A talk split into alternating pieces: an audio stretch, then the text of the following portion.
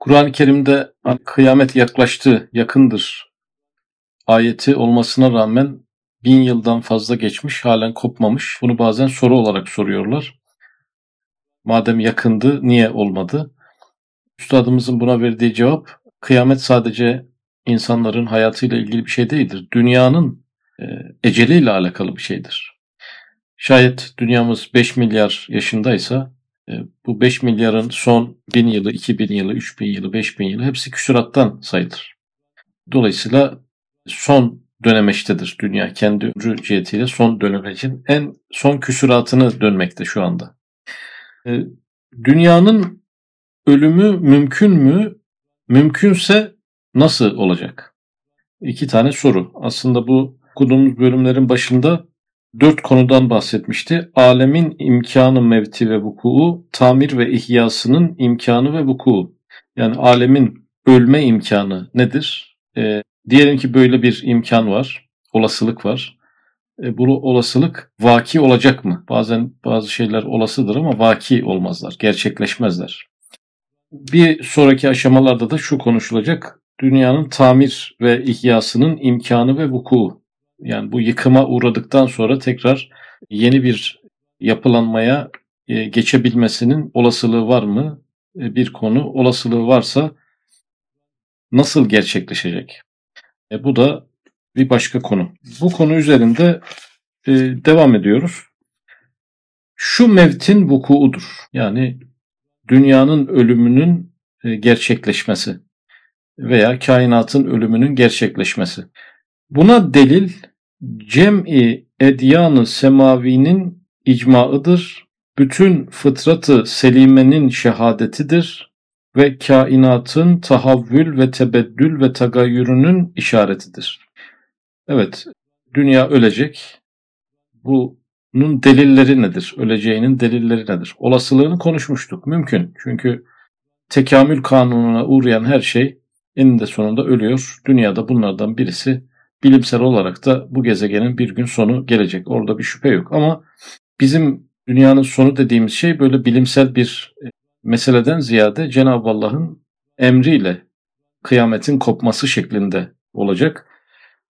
Üç tane delille bunun gerçekliği ortaya konuluyor. Birisi semavi dinlerin tamamının e, ortak e, inancı. Bu semavi din mensupları tarihte savaşmışlar, kavga etmişler, birbirini tekzip etmişler. Şu anda da yeryüzünde aynı mevzular devam ediyor. Fakat hiçbirisinde kıyametle alakalı bir ihtilaf yok. Kıyametin gerçekleşeceğiyle alakalı bir ihtilaf yok. Bütün semavi dinlerin ortak noktası. Tarih sürecinde de böyle. Bütün peygamberler e, kıyametin kopacağını söylemişler. Gerçi e, amel bakımından, ibadet bakımından, muamelat bakımından bazen farklı farklı şeyler söylemişler. Bir dinde yasak olan bir şey öbüründe serbest olabilmiş. Birisinde serbest olan bir şey öbüründe yasak olabilmiş. Asırlara göre ihtiyaçlar değiştiği için dinin kuralları değişmiş. Ama ahiret inancı gibi itikatlarda bir değişiklik olmamış. Bunlar bütün semavi dinlerin e, vahiy ile kendini açıklayan dinlerin ortak noktalarından birisi kıyamet konusu. Kıyametin kopacağı konusu. Birincisi semavi dinler. Bir delil bu. İkincisi bütün fıtratı selimenin şehadetidir. Selim fıt fıtratların, düzgün fıtratların, fıtratını bozmamış olan insanların, insanlar içerisinde de velilerin, peygamberlerin, en öz fıtrat üzere yaşayan bu insanların da bu gelen vahye tasdikte bulunmaları. Bu da bir delil olarak sayılmış. Bozulmamış vicdanlar da peygamberler ve velilerde olduğu gibi bu dünyanın eninde sonunda elden ayaktan gideceğini söylemişler. Bu bozulmamış bir vicdanın kavradığı bir gerçek bir diğer taraftan. Ve kainatın tahavvül ve tebeddül ve tagayyürünün işaretidir. Üçüncü delil de kainatta değişimler var, dönüşümler var, başkalaşımlar var. Bir şey sürekli değişiyorsa, halden hale geçiyorsa, başkalaşmaya uğruyorsa bunun bir eceli var demektir. Bir ölümü var demektir. O ölümden kaçamayacak demektir. Bu da tabiattaki bir gözlemden yola çıkarak söylüyoruz. Yani sabiteler yok sürekli değişimler, dönüşümler ve başkalaşımlar var. Ee, o halde bunun sonu en büyük değişim olan kıyamete doğru gider. En büyük başkalaşım olan kıyamete doğru gider. En büyük halden hale geçiş olan kıyamete doğru gider. Çünkü bunun parçaları zaten dünyada yaşanıyor. Şu sekeratı zihninde temessül etmek istersen bak bu sekerat can çekişme anı, ölüm anı, ölüm sarhoşluğu. İnsan nasıl ölürken bir ayrı bir sarhoşluğa giriyor. Yani ne o tarafta ne bu tarafta. Ne yanındakileri ta- tanıyabiliyor. Bir belli ki bazı azaplar içerisinde. Öbür tarafa da tam gitmemiş. O ana bir sekerat anı diyoruz. Sarhoşluk anı, ölüm sarhoşluğu. Sekir sarhoşluk demektir. Sekerat anı da ölme olayının gerçekleştiği an, hissedildiği an. Dolayısıyla e, bu dünyanın sekeratı nasıl olacak acaba? İnsanların sekeratlarını görüyoruz. Bazen bağırarak, bazen acı çekerek, bazen gözünü bir noktaya dikerek, bazen bazı hırıltılar çıkararak, bazen vücudu birden sarsılıp titreyerek bir bakıyoruz. Bir sekerat geçiriyor sonra vefat ediyor. Ama dünyanın da sekeratı e, var. Dünyanın ölüm anı nasıl olacak? Nasıl bir an acaba?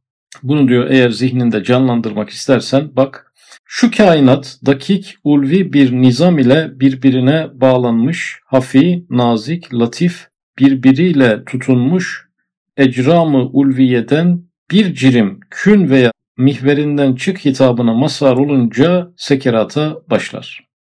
Şimdi kainatın düzenine bir vurgu yaptı. Şimdi konu düzen olunca düzen her şeyin birbirine bağlanmasıyla sonuçlanmış. Her şey de birbirine bağlıysa küçük bir hareket hepsini birdenbire durmaya yetiyor. Arabada bir düzen var. Kurulu bir düzen. O yüzden frene basınca arabanın her tarafı birden durmuş oluyor. Kainat da bir düzene sahip. Bir e, arasında diğer unsurlarıyla arasında çok ciddi manada bağlantılar var. Her şey her şeyle bağlantılı olduğu için herhangi bir gök cismi yörüngesinden çıkarılsa e, o bir galaksiyi belki yerinden oynatacak. O galaksi diğer galaksileri yerinden oynatacak ve e, büyük bir felaket başlayacak. Şu anda muhteşem dengeler var. Milyonlarca, milyarlarca denge var. Bu dengelerin hepsinin değil. Sadece bir tanesinin bozulması bütün kainatı, güneş sistemini, dünyayı tamamen tuz buz etmeye yetecek şekilde duruyor. Çünkü bir nizam var ve o nizam arasındaki ipler ve bağlantılar latif, ince yani pamuk ipliği. Azıcık birisi birisine yaklaşsa çok kötü şeyler olacak. Hep o seviyede tutulmuş. Dolayısıyla Cenab-ı Allah'ın bir kün emri yeter. Bütün kainata da değil. Sadece bir gök cismine verdiği bir kün emri veya mihverinden çık. Yani yörüngenden artık ayrıl demesiyle bütün her taraf sekerata başlayacak. Nücum tesadüme, ecram telatuma, fezai gayri mütenahi gülleleri küreler gibi büyük milyonlar top sedalarının muhassalıyla vaveylaya başlar. Nücum tesadüme başlıyormuş. Yani yıldızlar birbirleriyle çarpışmaya başlıyorlar. Ecram telatuma. Burada da büyük cisimler, yeryüzündeki dağlar da olabilir. Vuruşmaya başlıyorlar birbirleriyle. Kur'an-ı Kerim'de de zaten yıldızların çarpışacağı, dağların birbirlerine çarpıp tuz buz olacağı ifade ediliyor ayet-i kerimelerde. Fezai gayrı mütenahi gülleleri küreler gibi büyük milyonlar top sedalarının muhassalıyla, muhassal toplam demek. Bu güllelerin birbirleriyle çarpışarak çıkardıkları seslerin toplamı bile, o sesler bile dünyayı büyük bir felakete itmeye yeter. Dünyaya çarpmasalar bile öyle sesler yani. O ses ayakta hiçbir gezegen bırakmaz. Böyle çarpışmanın büyük sesleri Vaveyla'ya başlar. Birbirine çarpışarak küremiz büyüklüğünde kıvılcım saçacak. Evet, o dağlar e, birbirine çarparak, denizler tutuşup yanarak, gök cisimleri birbirine çarparak bizim küremiz büyüklüğünde kıvılcımlar saçılacak meydana. İşte şu mevtle deste kudret kainatı çalkalar.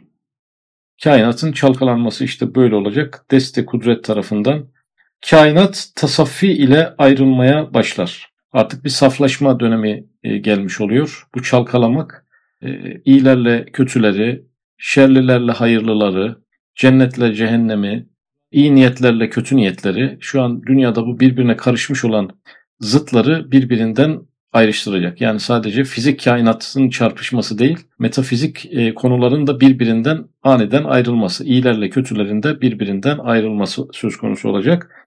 Cehennem aşireti ve maddesiyle bir tarafa çekilir. Cennet anasırı ve letaifiyle başka yerde tecelli eder. Cehennemle ilgili iki kelime kullandı. Aşireti ve maddesini alarak bir tarafa çekilir. Demek ki cehennemin maddeleri şu an dünyada. Dünyada e, ana maddeleri e, duruyor. O maddeleri e, kenara alacak. E, tabii yetiyor mu? Hani ayet-i kerimede yakıtı insanlar ve cinler olan diyor cehennem için. E, aşiret de onlar. Yani sadece e, cehennemin maddeleri değil, halkı da dünyadan götürülecek. Cennete gelince cennet anasırı ve letaifiyle başka yerde tecelli eder. Cennet içindeki unsurları demek ki onlar da hani yerler başka yerlere, gökler başka göklere tedbir ediliyor ve cennetin de malzemeleri binasında kullanılacak materyaller yine buradan alınıyor. İçindeki latifeler de buradan alınıyor. Yani bir elhamdülillah dersin, ahirette bir elhamdülillah yersin diyor. İnsanın ibadetleri, takvası, hizmetleri, kulluğu, şükrü, iyilikleri orada başka bir şeylere dönüşmüş olarak ve 100 bine, 700 bine belki çarpılarak karşısına yeni bir alem e, kuracak. Yine bunlar da dünyadan ayrılmış olacaklar. İyiler ve yaptığı iyiliklerle beraber onlar da cennet tarafına çekilecekler. Şimdi şu mevtin vukudur diye başlamıştı bu bölüme. E, bu dünyanın ölümü de, kainatın ölümü de akla uzak gelmemesi için, zor bir mevzuymuş gibi gelmemesi açısından Üstad Hazretleri nizam delilinden bahsetti ve kainattaki ölçülerin zaten hassas ve latif ve ince olduğunu söylüyor. O yüzden en basit şeydir kıyametin kopması. O latif dengelerden bir tanesinden küçücük bir farklılık oluşturma yetiyor. Gerçi Cenab-ı Hakk'ın kün emri her şeye yetiyor ama olsun konuyu bizim zihnimizin anlaması bakımından tabi insanın ölümünü anlıyoruz. Dünyanın ölümü sanki daha zormuş gibi geliyor. Kainatın ölümü çok daha aşırı büyük bir konuymuş gibi geliyor. Hayır her şey birbiriyle bağlı olduğu için hepsi de aynı kapıya çıkar. Zaten insanın ölen bir varlık olması, bitkilerin, hayvanların ölen bir varlık olması biz sonuç itibariyle bu dünya ağacının meyveleri gibiyiz. Meyvelerin ölmesi, dallarından kopması ve çürümesi ağacın da ölümlü olduğunu gösterir. Dolayısıyla eğer dünya da kainatın bir meyvesi ise dünyanın da ölüyor olması o da kainatın da ölümlü olduğunu, ölecek olduğunu gösterir. Fakat bunlar tabii fıtri ölümünde değil, tabii ömürleri içinde değil, Cenab-ı Allah'ın bir müdahalesiyle, bir emriyle e, belki daha çok uzun süreler yaşama devam etme ihtimali varken bir inkıta olacak. Yani arada bir dur emri, yeter emri. Ahir zamanda zaten e, o, o hadislere baktığımız zaman adeta Kur'an'ın terk edildiği, imanın terk edildiği, yaşamın da bir anlamının kalmadığı, insanın bir anlamının kalmadığı, insanın anlamı kalmayınca da zaten kainatın bir anlamının kalmadığı bir zemine gidince Cenab-ı Allah da bu büyük felaketi, büyük depremi, kainat depremini hani biz deprem yaşıyoruz bir de kainatın depremleri var. Hepsini birden insana yaşatacak. Gerçi müminlerin başına kopmayacağına kıyametin o, o manada hadis rivayetleri var. Hatta bir kısım müminler kalmışsa da ruhlarının kıyametten kısa bir süre önce kabzedilerek kıyametin ondan sonra koparılacağına dair bir mevzu da var. Çünkü Kur'an-ı Kerim'in ifadesiyle saçları beyazlandıran, çocukları yaşlandıran günler. Kıyametle ilgili böyle söylüyor. Yani küçücük bir çocuk kıyameti görse saniyesinde o üzüntüden, o endişeden hemen saçları beyazlar, yaşlanır. 10 yaşındaki biri 100 yaşına girer aniden. Bu mümkündür, olası bir şeydir. Akla da uzak değildir. Olacaktır, olacağı da bildirilmiştir, vaat edilmiştir. Cenab-ı Allah'ın üzerine yemin ettiği konulardan birisidir. Bu da insanın başına gelecektir. Kıyamet gerçeğini de Üstad Hazretleri bu açıdan e, izah etmiş oldu. Üçüncü nokta. Ölecek alemin dirilmesi mümkündür. Zira birinci makamda geçtiği gibi kudrette noksan yok, gayet kavi muktazi var, mesele ise mümkinattandır. Bu toparlayıcı ve özetleyici bir cümle aslında üç maddeden bahsediyor. Kudrette noksan yok. İlahi kudret e, içinde aciz olmayan, zıttı olan acizin kendisine karışmadığı bir kudret, küçükle büyüğü bir şeyle her şeyi aynı anda yapabilen bir kudret. Kudrette noksan yok. Aslında bu kudrette noksan yok cümlesinin altında biz 5-6 ders yapmıştık. İlahi kudreti anlamak adına. Gayet kavi muktazi var. Yani ölecek bu alemin yeniden dirilmesi için ilahi kudret yeterli ama muktazi gereklilik var mı? Bu hikmetli mi, anlamlı mı? Kainat öldükten sonra yeni bir kainat olarak diriltilmesinin gerekleri, manaları var mı? Bir manası var mı? E, o da ayrı bir dersti. Muktazilerle ilgili olan derste de onlar yanlış hatırlamıyorsam 4-5 derste bu sürmüştü. Mesele ise mümkinattandır. Mümkün sınıfından, kainat mümkün sınıfından Cenab-ı Allah'ın varlığına veya yokluğuna hükmettiği, var da olabilen, yok da olabilen, dolayısıyla yeniden var da olabilen, değişerek, başkalaşarak, dönüşerek başka bir formatta da var olabilen bu mümkinat dediğimiz varlık sınıfından olması e, hasebiyle demek ki ölecek alem dirilmesi mümkündür. Yani bu dersimizin ana konusu e, insanın ölümü veya dirilmesi değil, alemin ölümü. Ve bizi daha yakından ilgilendirdiği için dünya gezegeninin ölümü zaten o manevi bir hakikat, manevi bir vaat ama bilimsel de bir gerçek. Bu gezegenin hatta bu içinde bulunduğumuz sistemin bir gün çökeceğine dair e, gerçi uzun süreler veriliyor bunun için ama bunun mutlak olduğunu, mutlaka gerçekleşeceğini söyleyen e, bilimsel veri de ortada. Ölecek olmasında bir şüphe yok. Ama yeniden dirilmesiyle ilgili yani gerek var mı? Yeniden cennet ve cehennem olarak dirilecek diye düşünüyoruz başka bir şey olmasın. Yani başka bir varlık katmanına dönüşerek devam ediyor olmasın. E, bizim inancımıza göre bu alem yerini başka bir aleme bırakacak. E, gökler başka göklere, yerler başka yerlere evrilecek ve adeta bir çekirdeğin toprakta çürüyüp ağaç olması gibi bu kainat da bir ölümle karşılaşıp yeni bir kainata, cennet ve cehennem dediğimiz yeni iki kainatı aslında iki de diyebiliriz. E, şu anda bir teklik var karışmış birbirine girmiş. Cennet ve cehennemin numuneleri kökleri birbirine karışmış. Ama tasaffi edecek birbirinden ayrılacak iki tane havuzu dolduracak e, veya iki tane meyve verecek veya iki tane çiçek verecek. E, birisi çiçek birisi diken olacak gerçi ama iki sonucu var bu kainatın. Şu an tek bir kanaldan ilerliyor. Necip Fazıl'ın dediği gibi oluklar çift çift. Birinden nur birinden kir akıyor ama ikisi şu an beraber akıyor. Sonra bu oluklar ayrı ayrı yerlere akacaklar. Bu konudaki bir metin okuyacağız. Evet kainatta dikkat edilse görünür ki içinde iki unsuri esası var. İki temel unsur var kainatta şu anda. Her tarafa uzanmış iki kök var ki tahassül ve temerküz ile ebedileşse cennet ve cehennem olacaktırlar. Yani iki temel maddesi var kainatın veya başka bir deyişle iki tane kök var. Ve bu iki kökten kaynaklanıyor karşımıza çıkan bütün meyveler, bütün neticeler, bütün yaşam sahneleri, insanın bütün niyetleri ve amelleri aslında kökünde cennet veya cehennem kökü var.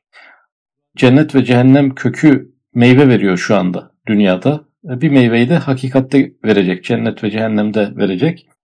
Her tarafa uzanmış iki kök var. Yani cennet ve cehennemin yansımadığı bir parçasının ulaşmadığı bir bölge yok dünyada. Her şey ya cennetten yansıyor ya cehennemden veya kökü ya cennette ya cehennemde veya ucu ya cennete çıkıyor ya cehenneme çıkıyor. Her şeyi kaplamış bu iki şey. İçinde bulunduğumuz kainat aslında cennet ve cehennemin bir bileşkesi. Mesela diyelim ki güneşin ışığı cennetten, ısısı cehennemden bir bileşke. Veya yaptığımız bir ameldeki kendi güzel niyetlerimiz cennetten. Ama değil mi ki bazen niyetimiz güzel oluyor ama yanlış bir davranışa sebebiyet veriyor. O da cehennemden. Bazen kalpteki hissedişlerimiz var ama bir de nefsani taraflarımız var. Bir tarafımız cennette, bir tarafımız cehennemde. Yani iki kök bütün her tarafı sarmış. Karışıklık var tabii bu ikiye ayrılacak, ayrışmamış cennet ve cehennemi birleştirerek yaşıyoruz. Bir, İkincisi meyveler değil de numuneleriyle yaşıyoruz şu anda. Hakiki meyvelerini ölümden sonraki hayatta göreceğiz. Tahassül ve temerküz ile ebedileşse cennet ve cehennem olacaktırlar. Yani tahassül ve temerküz. Yani bütün hepsi toplansa bu iki kök. Yani iyilikler, kötülükler bir tarafa toplanıp birer merkez haline gelseler, biz onlara birer de ebediyet damgası vursak. Yani şu andaki yaşamdaki, dünyadaki iyi şeyler ve kötü şeyleri ayırsak, iyi insanlar ve kötü insanları ayırsak, iyi davranışlarla kötü davranışları iki merkez yapsak, iki merkeze de ebedilik vasfı e, yüklesek ne olacakmış? Cennet ve cehennem olacakmış. Gerçi gölge olarak, gerçi numune olarak aslında neyi ayırmış oluruz? Cenneti ve cehennemi ikiye, cennete ve cehenneme ayırmış oluruz yaşamı. Zaten beraberler de bir hayal kuruyoruz yani ayrıştırdığımızda ne olur? Tek bir eksikleri var ebedilik. Diyelim namaz kılan bir kişinin namazdan aldığı lezzet onu bir kenara çekelim. Ebedilik damgasını vuralım o aldığı hazza al sana cennet. Veya bir insanın bir günah işlerken ki duyduğu vicdan azabını bir tarafa alalım, altına bir ebedilik damgası vuralım, al sana cehennem. Bütün ameller cennet ve cehennemden birer çekirdek tohum taşıyor. E, yani birisine çekirdek diyebiliriz. E, güzel hayırlı amellerin içinde onun cennetteki karşılığına dair bir karşılık, bir ücret insana peşinen veriliyor ve günahlarda da onun cehennemdeki azabından bir parça peşinen insana veriliyor. Yani insan aslında cenneti ve cehennemi yaşıyor davranışlarıyla. Zaten Cenab-ı Allah'la ilişkisi de insanın iki türlüdür. Birisi cemali isimleriyle ilişki kurar. Biz buna muhabbet diyoruz. Muhabbetullah. Cenab-ı Allah'ın cemali tecellileri sevilir, muhabbet duyulur. Bizde muhabbet duygusuna sebep olur ve bu muhabbet duygusu bize de kendimizi de iyi hissettirir. Bir de Cenab-ı Allah'ın celali isimleri vardır. Kahhar gibi, cebbar gibi. Onlarla da bir ilişkimiz vardır. Fakat o isimlerle ilişkimiz muhabbet ilişkisi değil de havf ilişkisidir, korku ilişkisidir. Bu da güzeldir. Bu ilişki bizde günahlardan kaçınmaya sebebiyet verir. Yani Cenab-ı Allah'ın cemali ismine muhabbet duyarız, cemali tecellilerine muhabbet duyarız. Onlar bizde ibadetlere ve salih amellere sebebiyet verir. Cenab-ı Allah'ın celali isimlerinden, Cebbar gibi, Kahhar gibi isimlerin tecellilerinden korkarız. Onlar da bizde e, günahtan, Cenab-ı Allah'ın yasakladığı şeylerden uzaklaşma ve havf duygusuna sebebiyet verir. Ce- Cenab-ı Allah'ın cemali isimleri cennette ebedi olarak karşımıza çıkar. Celali isimleri de cehennemde insanın karşısına çıkar. Dolayısıyla şu anda biz celali ve cemali tecellilerin bileşke noktasında e, yaşıyoruz. E, gün içinde oluyor ki Cenab-ı Allah'ın rızasını, sevgisini kazanacak bir iş yapıyoruz. Onu yüreğimizde hissediyoruz. Bazen de Cenab-ı Allah'ın celalini harekete geçirecek bir amelde bulunuyoruz. Orada da o kasveti içimizde hissediyoruz. Yani cennet ve cehennemde doğacak iki tane neticeyi bir gün içerisinde aynı beden, aynı ruhta hissediyoruz. Ama bunlar hep birbirine karışmış, karıştırılmış bir hikmete binaen. Bunlar birbirinden ayrıştırılacak bir yeri bekliyor. Bu kadar karmaşa, bu kadar kol kola olmak, iyilik ve kötülüğün bu kadar çok temas etmesi haliyle dünyanın Cenab-ı Allah'ın kendi sanat eserini teşhir etmesi, kendisinin seyredip başkalarına seyrettirmesi gibi isimlerinin hakiki e, güzellik boyutlarının tecellisi için bu dünya yeterli bir yer değil. Yeterli olan yer cennettir. Evet, Cenab-ı Allah'ın Rahman ismi dünyada da tecelli eder. Ahirette tecelli ettiğinde hakiki Rahman ismi neymiş orada anlaşılır. Bir de Cenab-ı Allah'ın hakiki eseri olan insan, hakiki eseri olan kainat neymiş en iyi orada görünür. Çünkü burası gölge, orası hakikattir. Bu manada bu iki birbirine omuz omuza, sırt sırta vermiş, iç içe geçmiş tecelli alanının iyiliğe ve kötülüğe sebebiyet vermiş bu karışıklığın ikiye ayrılması gerekecek, birbirinden kurtulması gerekecek. Cennet, cehennem ise şecere-i hilkatten ebed tarafına tedelli eden dalının iki meyvesidir. Muhteşem bir tarif oldu. Biz şu an yaratılış ağacı içerisindeyiz. Yaratılış ağacı ebede doğru nasıl bir ağaç meyveleri çok olunca dalları eğilir. Tedelli eğilmek demek bu yaratılış ağacı ebediyete doğru uzanırken dalları eğiliyor ve iki tane meyve veriyor. Cennet ve cehennem meyvesi. Biz neredeyiz? Dallardayız şu an. dalın içindeyiz. Kökte değiliz, yoktuk orada. Gövdede de değiliz. Bir dal olarak bizi verdi. Tamam biz onun içindeyiz ama meyveye durmadı. Veya durdu da meyveleri ham şu anda. Gerçek meyveler ortaya çıkacak. Cennet ve cehenneme meyve örneğiyle anlattı. İki tane meyve. Birisi şifalı meyve, birisi zehirli meyve. Bütün kainat ağacının son ucundaki bekleyen iki tane netice. Silsile-i kainatın iki neticesidir. Kainat aşamalardan oluştu. Yani bir noktadan ta buralara kadar geldi. Yani kainat oldu. Bitkiler, hayvanlar insandan önceydi. Melekler vardı. En son insan ve cinler bu sahneye çıktı. Aşama aşama gitti. Altı evrede bu aşamaya kadar geldi. Bu aşamalılığın bir sonucu olması gerekiyor. Bir neticesi olması gerekiyor. Cennet ve cehennem de son aşama. Ee, ve ebedi. Orada artık ebedi yeni bir aşamaya, cennet ve cehennem ötesi bir aşamaya ihtiyaç yok. Ee, insanın ebedileştiği yer orası. Ve seyli şuunatın iki mahzenidir. Burada mahzen depo e, demek. Yani akan işler, adalet, zulüm, şefkat, merhamet, iyilik, kötülük böyle insanın çok işleri var. E, bunlar evet fizik alemde yan yana bitişik e, durumda ama e, manevi alemlerde tabii ki depolara gidiyor. Kimisi cennete gidiyor, kimisi cehenneme gidiyor. İnsan cennet ve cehennemin bir fabrikası. Üretiyor sürekli, ürün üretiyor. Bir ona gönderiyor, bir buna gönderiyor. Bir orayı inşa ediyor, bir burayı inşa ediyor. En son birisine gidip orada konuk olacak orada. Nereyi imar ettiyse oraya doğru gidecek.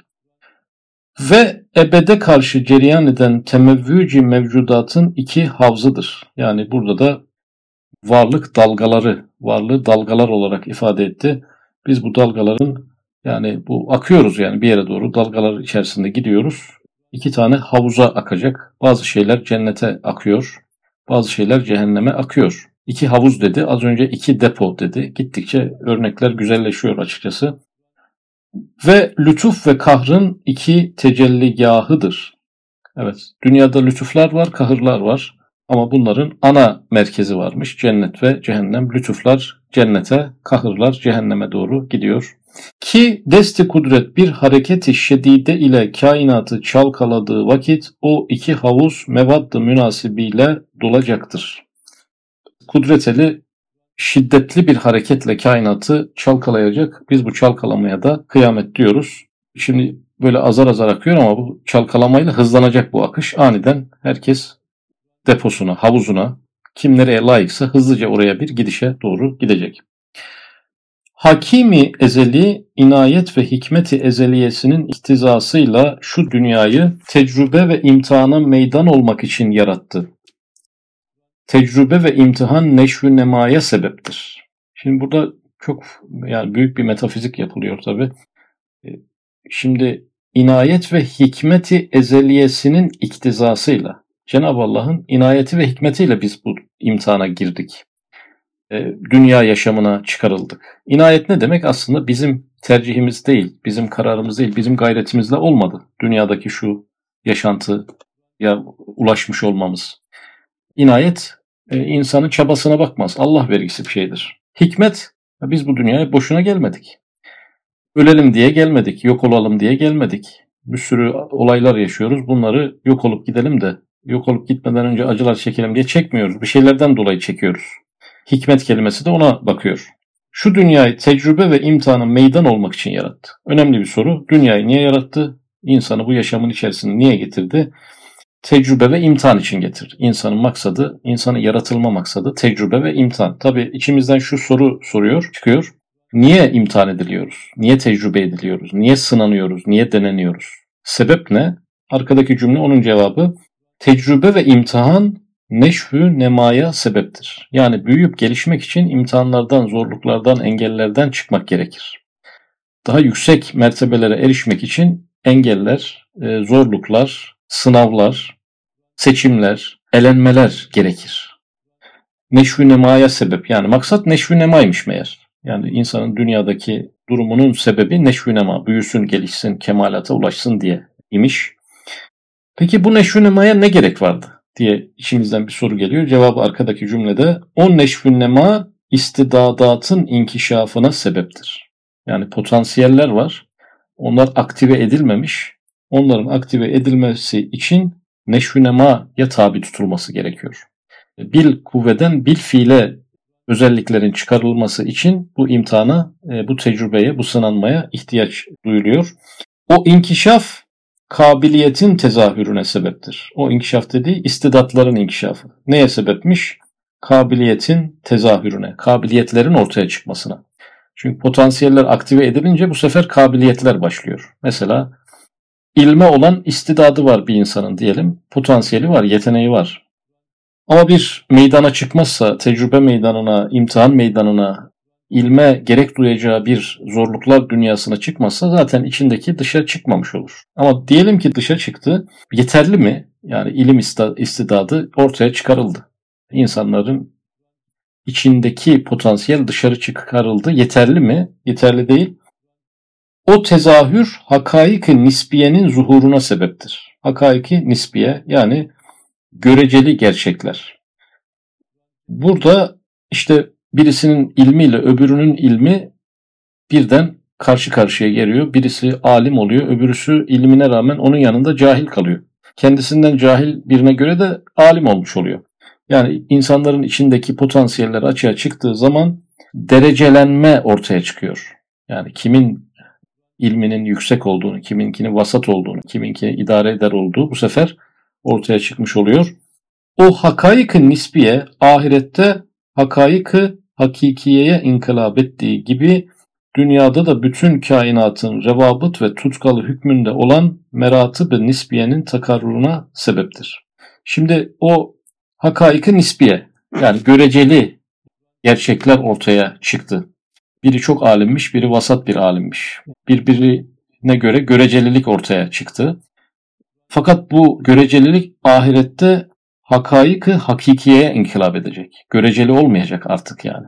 Çünkü insan vasat ilme sahip olsa, yüksek derecede de ilme sahip olsa o ilimle ne yapacak? İyilik mi yapacak, kötülük mü yapacak?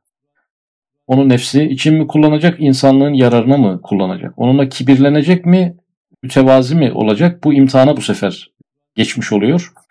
belki vasat bir ilme sahip olan biri onu e, güzel kullanarak, ondan güzel istifade ederek, e, onunla kibirlenmeden, gururlanmadan ahirette hakiki alimlerden yazılacak ve o e, üzerindeki ortalama bilgi ona yüksek mertebeler kazandırırken diğeri dünyada hakaiki nisbiyeye göre büyük alim ama ondan nefsani bakımdan istifade ettiği için, dünyevi olarak istifade ettiği için, meyvelerini dünyada yediği için Onunla kibirlenip gururlandığı için ahirette meğer bu alim değilmiş, cahilin ve zalimin tekiymiş. Hakikat ortaya çıkacak. Şimdi baştan bu dünya olmasaydı, insan dünyaya gelmeseydi, içindeki bu istidatlar ortaya çıkarılacak bir imtihan ve tecrübeye tabi tutulmasa idi, bu hakaiki nisbiye ortaya çıkarılmasa idi, insanlar arasında böyle bir derecelenme, kimin elmas, kimin kömür olduğu kimin Ebu Cehil, kimin Ebu Bekir olduğu ortaya çıkamayacaktı. Dolayısıyla insanın var olma sebebi de, imtihana tabi tutulma sebebi de öncelikle içteki potansiyellerin dışarıya çıkarılması ardından da bu potansiyellerle insanın neler yapacağının ortaya e, çıkarılması. Evet Ebu Bekir Ebu Cehil'den ayrılıyor ama Ebu Bekir gibi insanların da birbirleri arasındaki dereceler e, Sera'dan Süreyya'ya kadar onlar da o derecelenmeye e, tabi tutulmuş oluyorlar. İşte bu sırrı imtihan ve sırrı teklif iledir ki cevahiri aliye hazefatı safileden tasaffi eder. İmtihan ve teklif bu yüzdenmiş. Yüce ruhlar e, hazefatı safile yani aşağılık, sefil varlıklardan ayrışmış oluyor. Vaktaki yani ne zaman ki bunun gibi pek çok hikemi dakika için alemi bu surette irade etti şu alemin tagayyür ve tahavvülünü de irade etti. Şu tahavvül ve tagayyür için ezdadı birbirine karıştırdı. Mazarratı menafiye, mezc yani zararlıları faydalılarla bu sebeple karıştırmış. Darrı nef'e derç yani zararlıyla faydalıyı birbirine bu yüzden karıştırmış.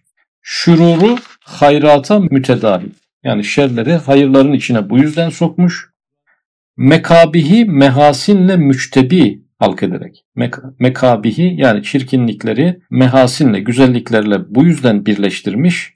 Şu ezdadı yani bu zıtları desti kudret yoğurarak kainatı kanuni tebeddül ve tagayyüre ve namusu tahavvül ve tekamüle tabi kıldı. Bir yoğurmayla karşı karşıyayız. Neyi yoğuruyor? İyiliklerle kötülükleri, hayırlarla şerleri, çirkinliklerle güzellikleri yoğuruyor ki neşvü nema çıksın, istidatlar ortaya çıksın, kabiliyetler ortaya çıksın. O kabiliyetlerle insanların ne yapacağı ortaya çıksın diye bir kişi karıştırılıyor her şey birbirine. Peki bu karışıma bir yerden sonra gerek kalacak mı? Ee, o vazifeler yapıldıktan sonra, kimin ne olduğu belli olduktan sonra, kimin nereye layık olduğu belli olduktan sonra e, bu karışıma da elbette gerek kalmayacak. E, çünkü bu bir imtihandı, bu bir tecrübeydi. Ayrışma gerçekleşti. Ebu Cehil ben Ebu Cehil'im dedi. Bu konuda diretti, kararlılığını ifade etti. Ebu Bekir de ben Ebu Bekir'im dedi. O da o konudaki kararlılığını ortaya koydu. E, bir daha tekrar onları bu reenkarnasyon mantığında olduğu gibi bir daha bir daha bir daha elekten geçirmek için testi bitiremeyen, tam sınavın neticelerini ortaya çıkaramayan bir yaratıcı tasavvuru ancak böyle yapar. Kimin ne olduğunu bilemeyen, kafası karışık, emin olamayan, kendi yaptığı imtihandan emin olamayan, iyi bir imtihan mıydı, kötü bir imtihan mıydı, gerçek bir ayrışmaya sebebiyet verdi mi diye tereddüt eden, kendi yazdığı sınav sorularından tereddüt eden bir ilah tasavvuru ancak reenkarnasyon gibi bir şeye sebebiyet verebilir. Ama neyi ne için yaptığını, hangi sonuca tam olarak ulaştığını bilen bir yaratıcının böyle bir tereddütü olması imkanı yoktur. Dolayısıyla bu karışıma da artık gerek yoktur. Bu hayırlar şerlerle, kötüler iyilerle kol kola e, niye böyle sonsuza kadar gitsin ki? Hepsi kendi yoluna olacaktır. E, bu ayrışma eninde sonunda gerçekleşecektir. Vakta ki meclisi imtihan kapandı. İmtihan meclisi kapandığı zaman vakti tecrübe bitti. Yani sınav dönemi kapandı. İnsanlar sınav kağıtlarını doldurdular. Okul sona erdi. Yani okul sona erdiği zaman tatilde gel öğrencileri aynı sınıfta beraber oturtturmaya çalış.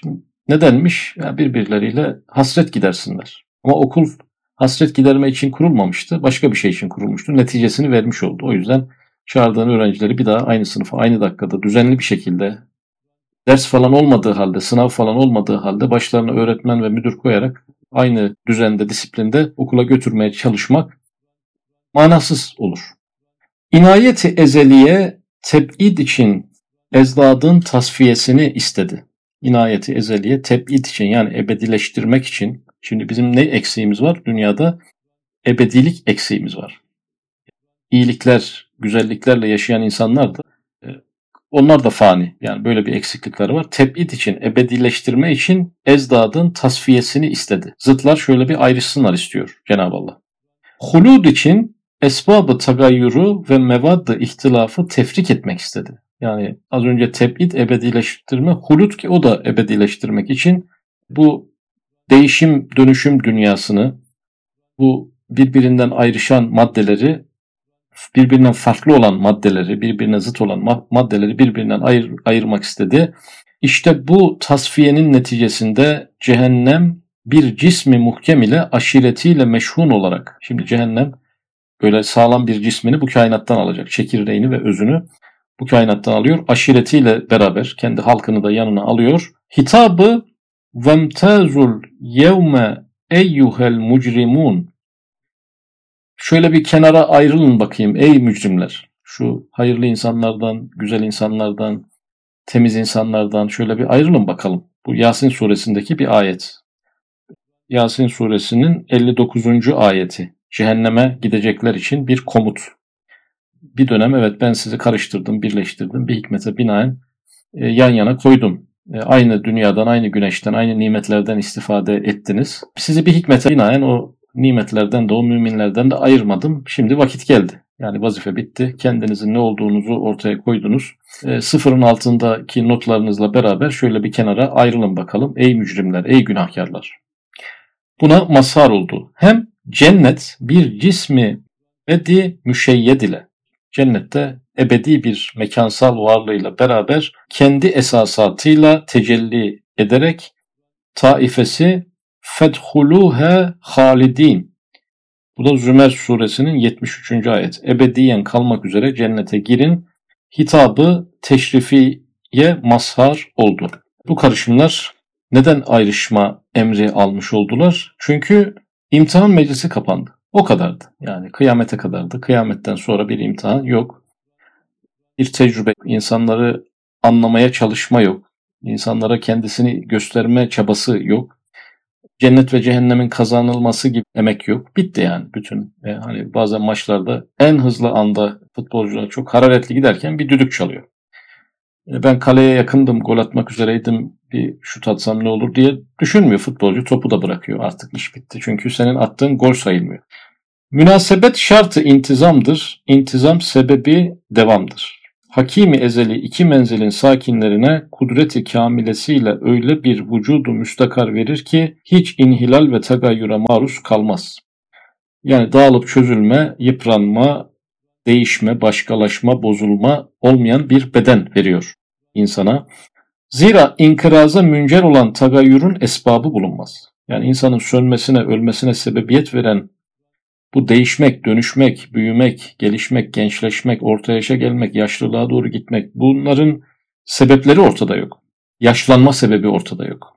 Yani Cenab-ı Allah insanı cennette genç bir yaşta sabit bir yaşta tutacak. Biz buna bir gençliğin bahşedilmesi, ebedi bir gençlik bahşediyor diye düşünüyoruz ama işin esası yaşlanmak için gereken sebepler ortadan kaldırılmış.